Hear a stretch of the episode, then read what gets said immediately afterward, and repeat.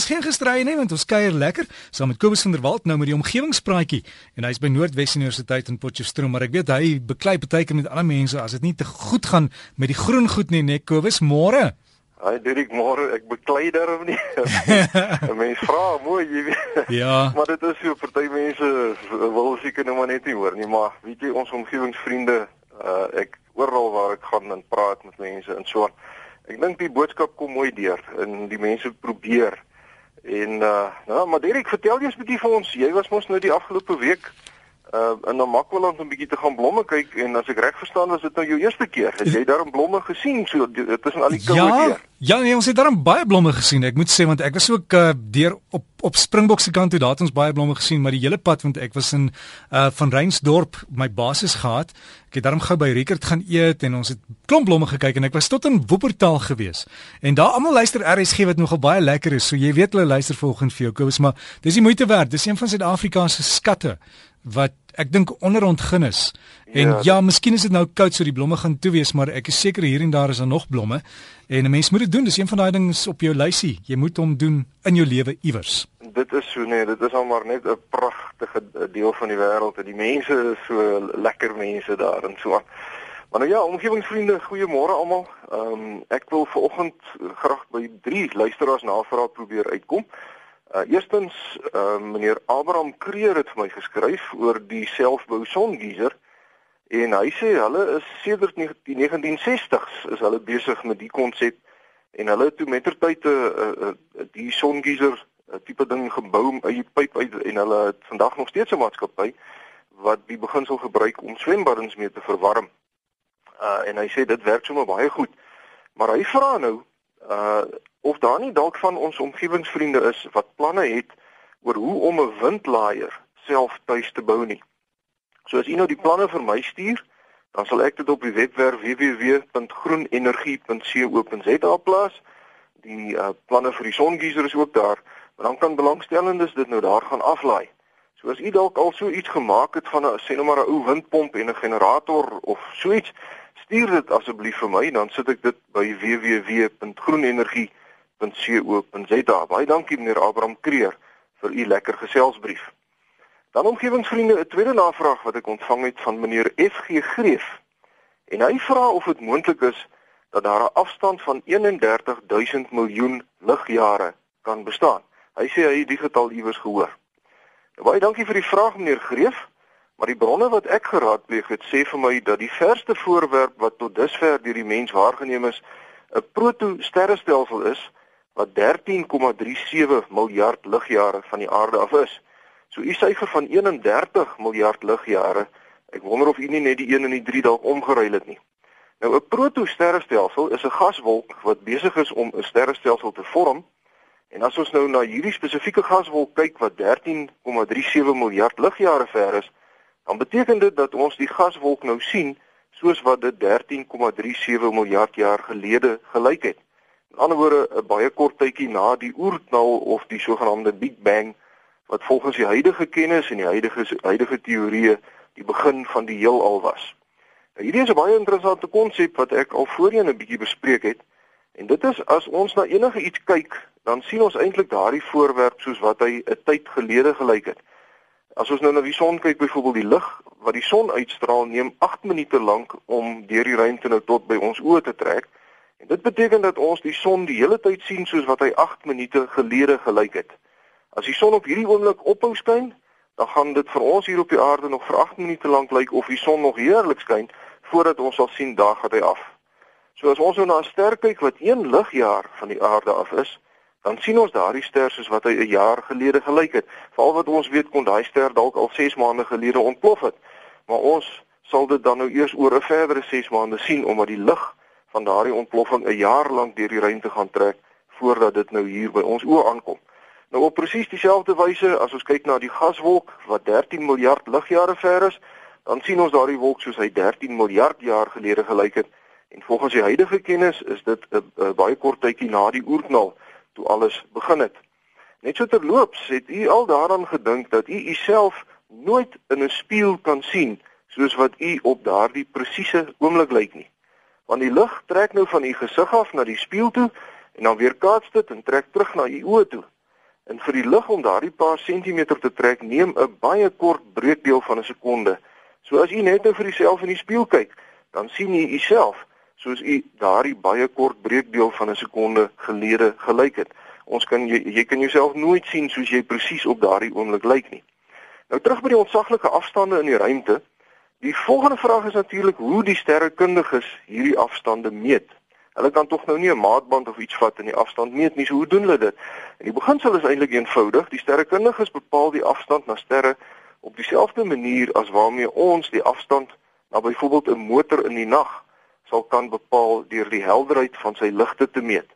Die hoeveelheid lig wat 'n ster uitstraal is konstant, so die helderheid van 'n ster sê vir ons hoe ver daardie ster is. Hierdie tegniek werk egter net tot so op 300 miljoen ligjare ver, want dan raak dit nou eenvoudig net te ver om individuele sterre te kan sien. En vir afstande verder is dit gebruik die sterrekundige supernovas om die afstand te bepaal. Nou 'n supernova is 'n geweldige ontploffing wat voorkom as 'n ster aan die einde van sy lewensduur kom. En die hoeveelheid lig wat uitgestraal word is ook konstant in so 'n ontploffing en die sterrekundiges het dan nou verskeie tegnieke waarmee hulle dan hierdie lig meet en analiseer en op grond daarvan kan hulle dan bereken hoe ver daardie supernova ontploffing van ons af moes gewees het. Ons kan maar bly wees supernovas kom nie naby ons voor nie, want 'n tipiese supernova straal meer energie uit gedurende die paar weke wat hy sigbaar is as wat ons son in sy hele lewe gaan uitstraal. So dis nou nie 'n plek waar ek graag wil wees in die ruimte nie. Baie dankie meneer Greef vir u interessante vraag. En dan omgewingsvriende sluit ek ver oggend af uh, met 'n vraag wat ek ontvang het van meneer Charles Beeks en hy skryf die volgende.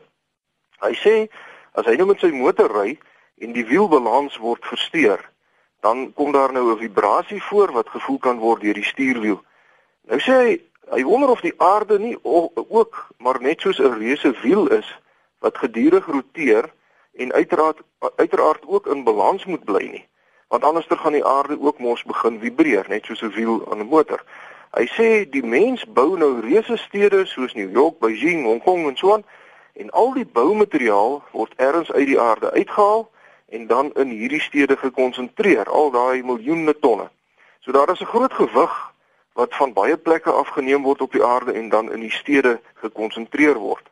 Hy sê verder word daar daagliks baie baie tonne ruolie op plekke uitgepomp en dan reg oor die wêreld versprei waar dit dan nou verbrand word en die afvalprodukte beland in die atmosfeer.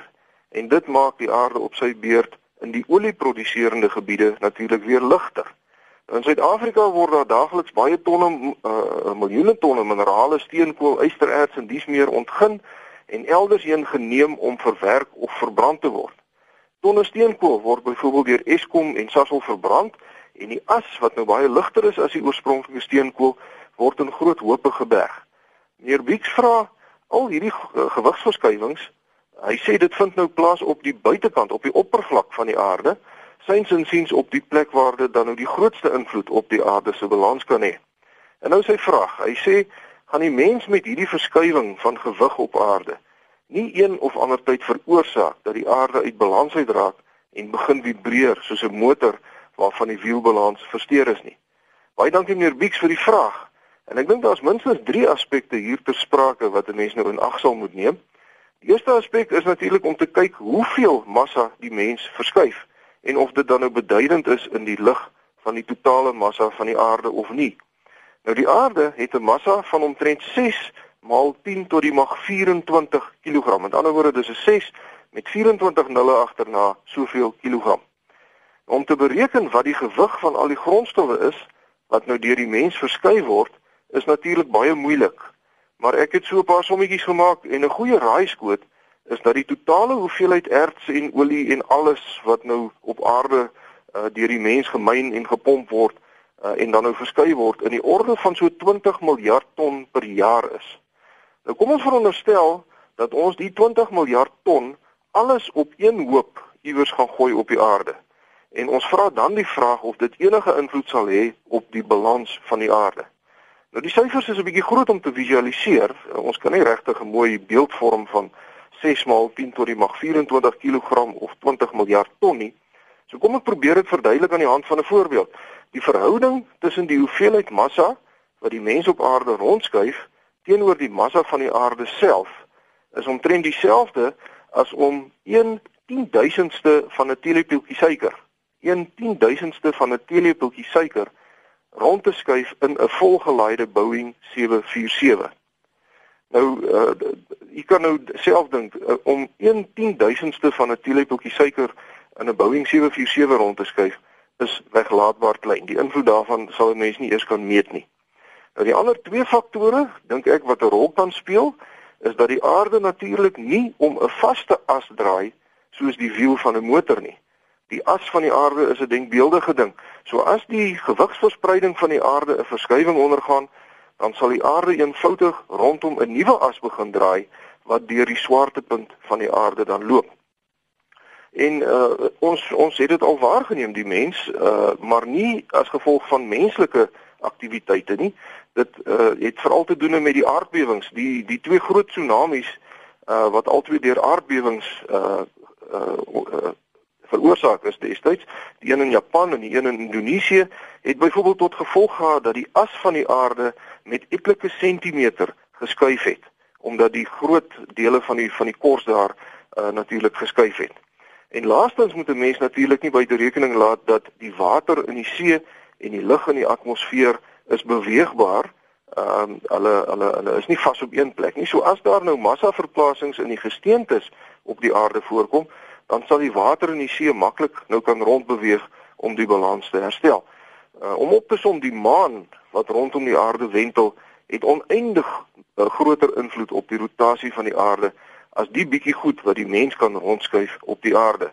Die mens is gesien in die lig van die groter geheel regtig maar net 'n stoffie op 'n skaal, soos wat die Bybel ons leer in Jesaja 40.